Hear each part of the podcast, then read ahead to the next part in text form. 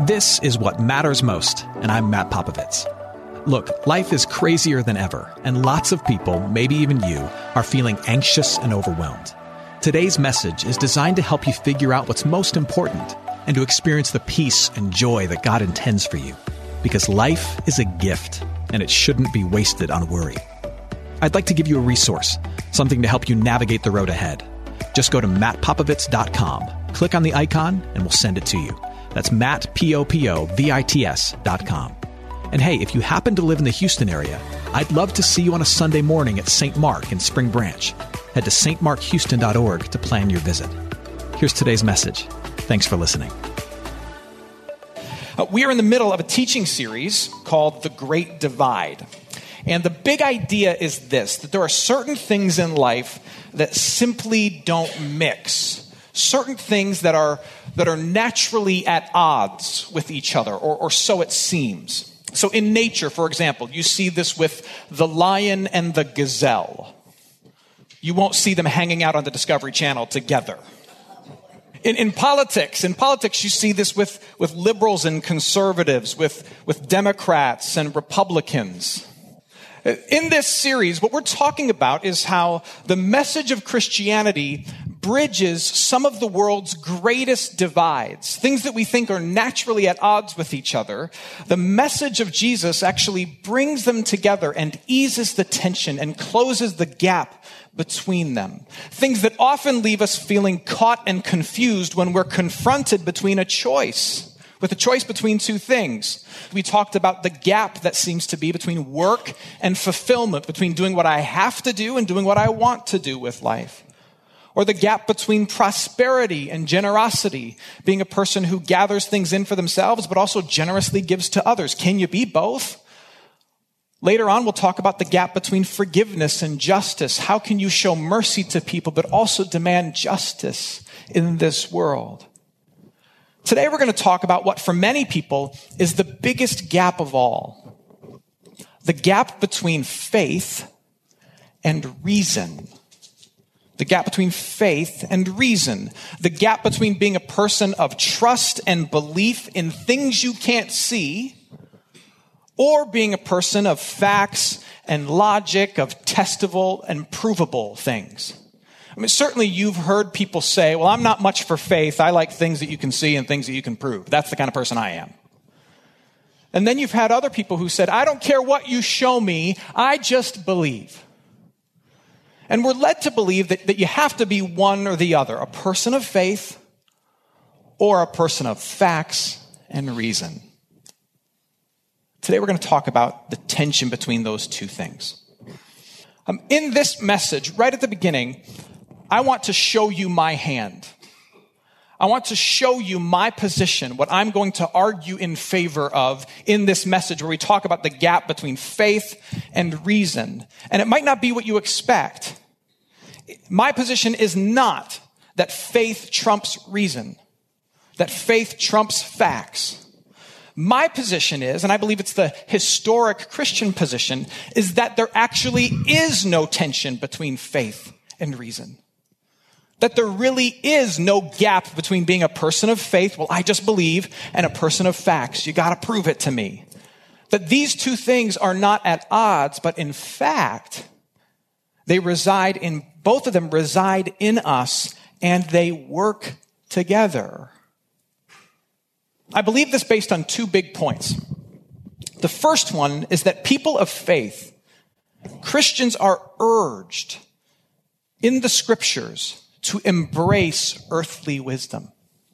Christians are never encouraged in the scriptures to cover their eyes and, and cover their ears and drown out the wisdom and the reason and the logic and the learnings of the world. In fact, there's an entire book, the book of Proverbs, which argues against shutting out the wisdom of the world.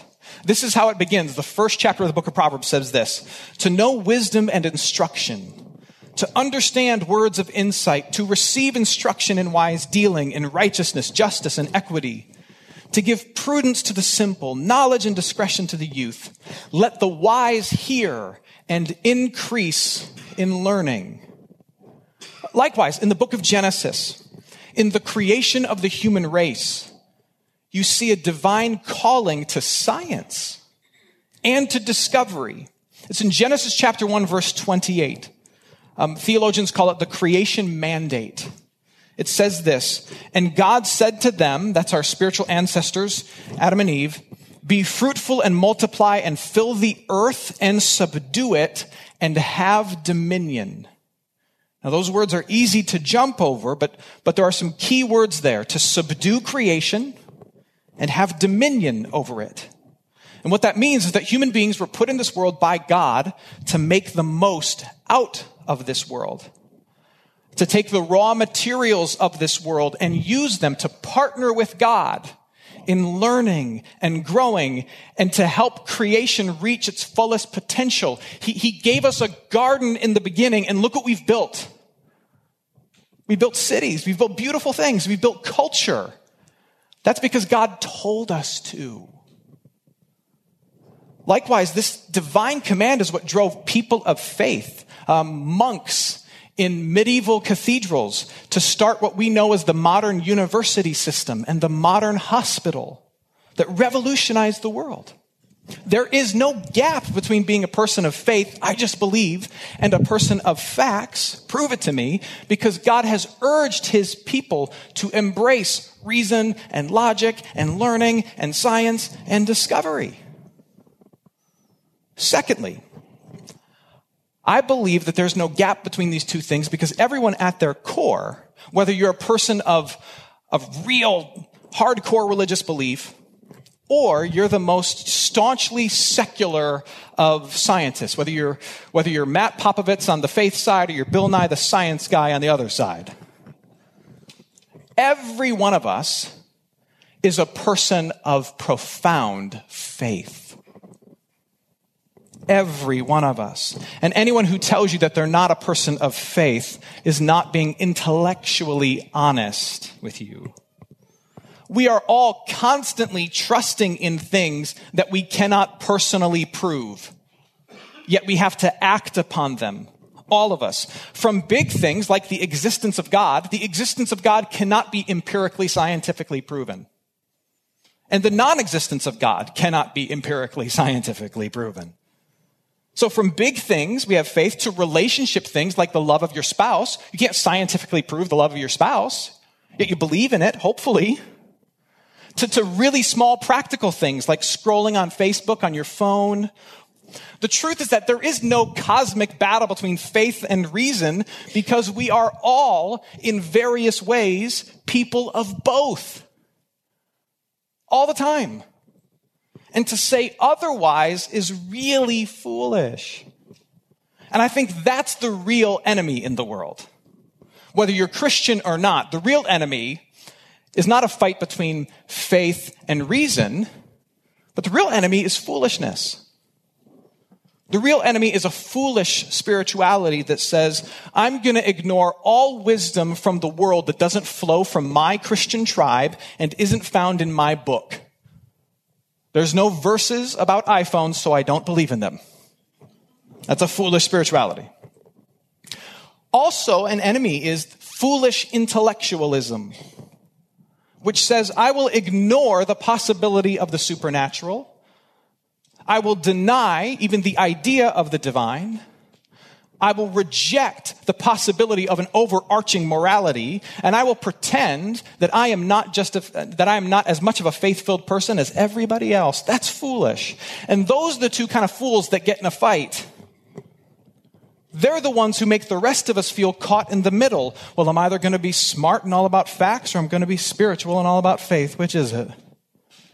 And friends, that's a battle that doesn't exist except in the heart of fools because the tension is not real. We are all both. Now, that said, here is where Christians, so if you're here as a follower of Jesus, baptized into his kingdom, here's where followers of Jesus do become countercultural in our view of reason and logic and facts and provable and testable things. Christians do hold that there are certain limitations and weaknesses to human reason, human logic, and human ability. Now let's start with the weakness. It's called self justification. It's the greatest gift of the human race and the greatest weakness. It's our ability to take the facts, whatever they are, and see what we want to see with them. The statistical sciences call it confirmation bias. You come to the evidence with an outcome you'd like to see, and lo and behold, the evidence points in that direction. And Christians are called to admit the great weakness of reason and logic, not the weakness of reason and logic themselves, but the weakness of reason and logic and even science in the hands of human beings.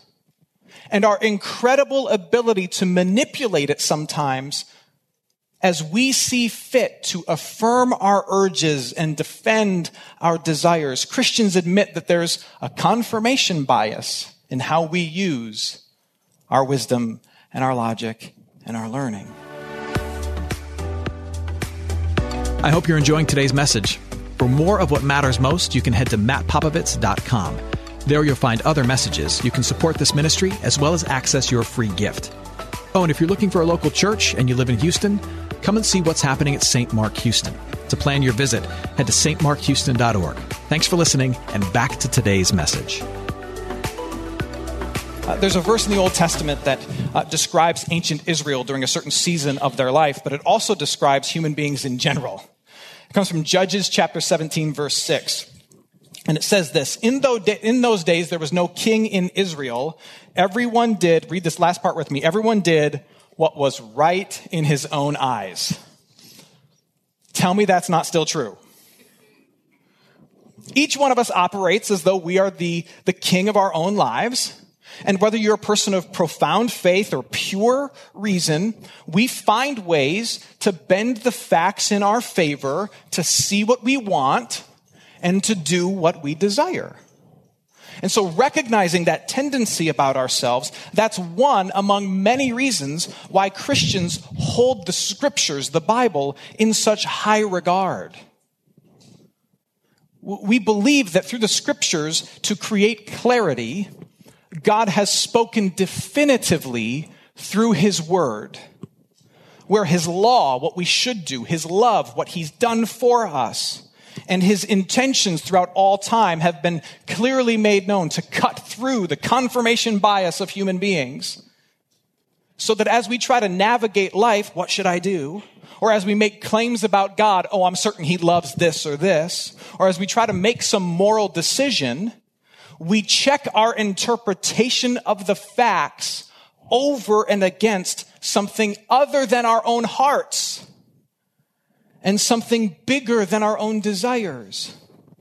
That's why you'll see people of faith saying, yep, all the evidence points in this direction that seems very logical, but I also and always defer to what I believe is the Word of God, the clear spoken Word of God given to us about what he demands from me as creation, how he loves me as a sinner, and what he's intending for all time.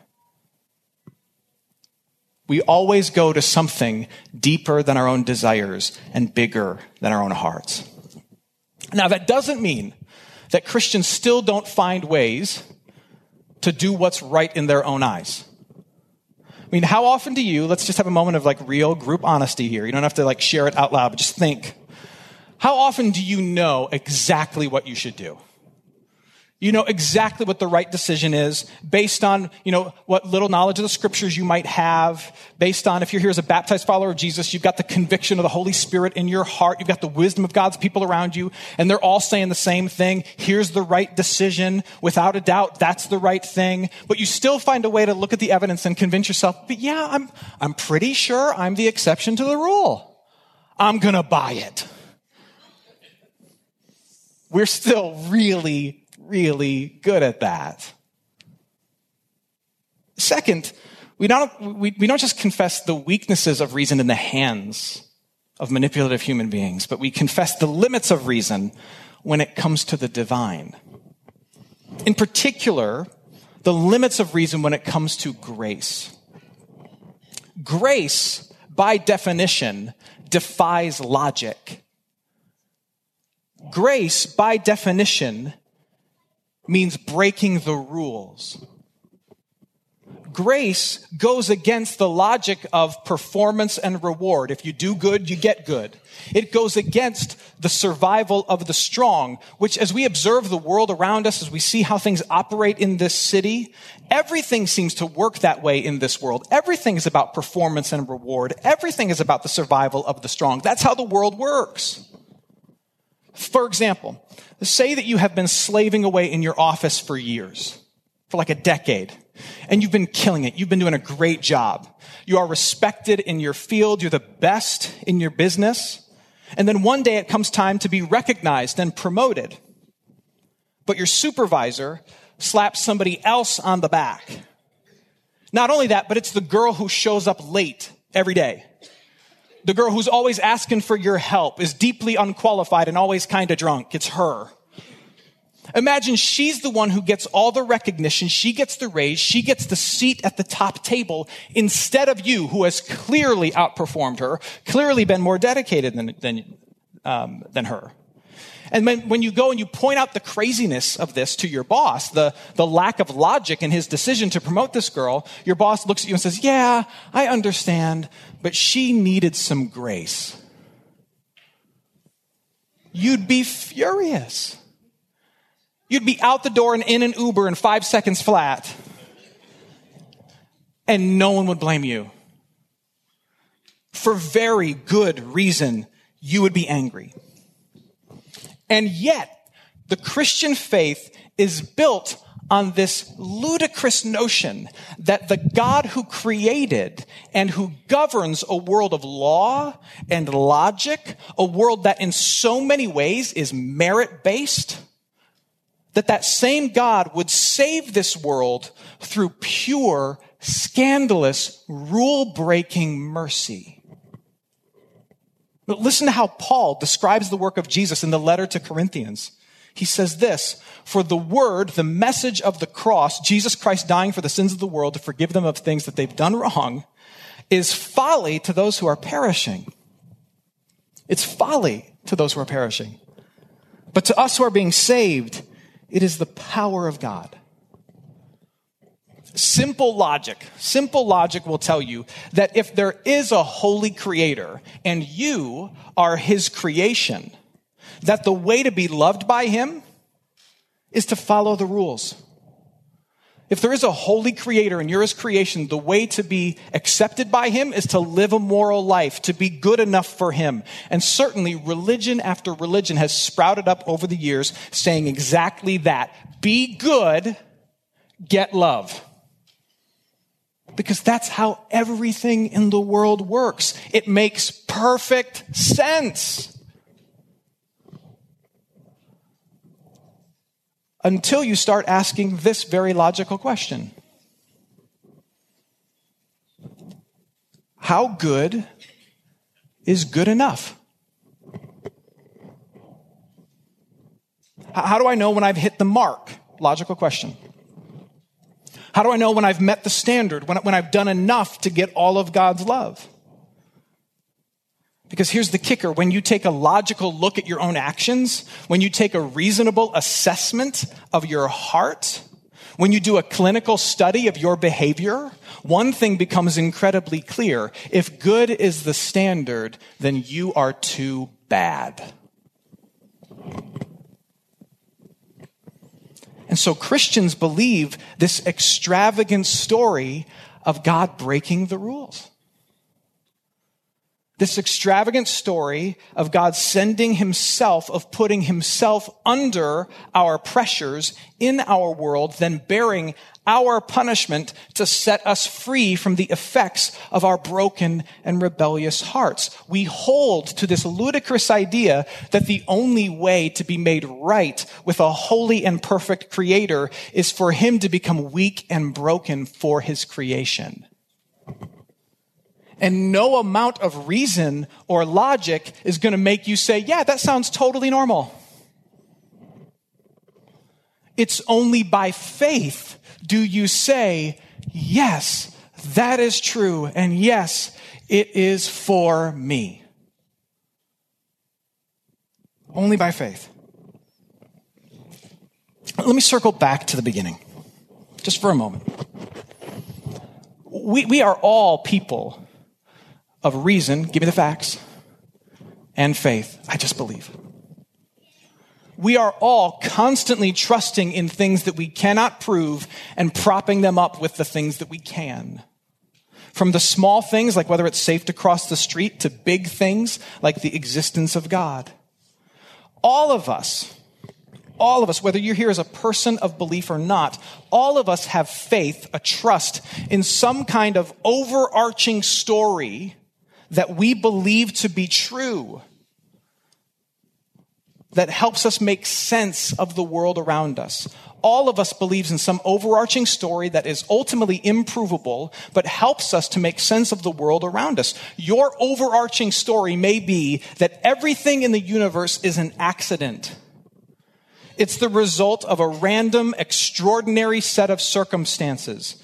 And you may say, that makes me a person of non belief. No, I would say that's your story that helps you understand all of your beliefs. Or your overarching story may be, may be, that we're designed by something, but it's impossible to really know who or what that something is. And so human ability and human ingenuity are the only real hope of the world. So we should just all try real hard, pursue our own joy, and hope in the end it all works out. That's your overarching story. And the question to concern yourself with is whether the story you're following the story you're trusting, the story you have faith in, because we all have faith in a story, whether or not it's the best possible story. Use your reason to wrestle with this. Does the story you subscribe to add rich meaning and purpose to your existence? Yes or no? Does the story you subscribe to offer a bright hope for our future? The Christian story believes that we are headed toward a restoration of all things. What about you? Does the story you subscribe to account in some way for all the horrible things we see in this world? Not just why things like ISIS happen and they exist, but what is being done by them to ensure justice. Does your story have an explanation for that? Does the story you subscribe to drive you to treat all people with dignity, not just because they're our fellow animal, but because they are made in the image of someone greater? Does the story you subscribe to by faith make a way for the grace, the profound grace that you know you need? Does it make a way for the grace that you know you need? And if the answer to any of those questions is no, then I have got a beautiful but rule breaking and scandalous story that does. As Christians, our faith drives us to learn, to reason, to discover, and to be confident that behind everything we learn about the world, we will find the maker of the world and that we'd also know the limits and weaknesses in that process, that we can use the things we find to justify anything we want. So we must place ourselves underneath something bigger, like the law of God and the extravagant gospel of God. And if we embrace that, we will be a church that's not just faithful, but we will be a church, I believe, that is attractive that is attractive to those who've been burned by worldviews drained of the divine and those who've been burned by theologies that punish thinking. We will be a safe place for all people of reason and faith because that's the only kind of person that exists. Amen. Hey, it's Matt. I hope you enjoyed what matters most. Here's what I need you to know. Life is a gift and it shouldn't be wasted on worry. I want to help you figure out what's most important and to experience the peace and joy that God intends for you. So, for more content, you can head to mattpopovits.com. That's Matt, P O P O V I T S.com. There, you can also support this ministry as well as access your free resource, a little something to help you navigate the road ahead. I'd also love to see you on a Sunday morning. If you're in the Houston area, head to stmarkhouston.org to plan your visit. In the meantime, Hit me up on Instagram at mpopovits or at facebook.com slash Matt Popovits Ministries. Thanks for listening. Now go and hold tight to what matters most.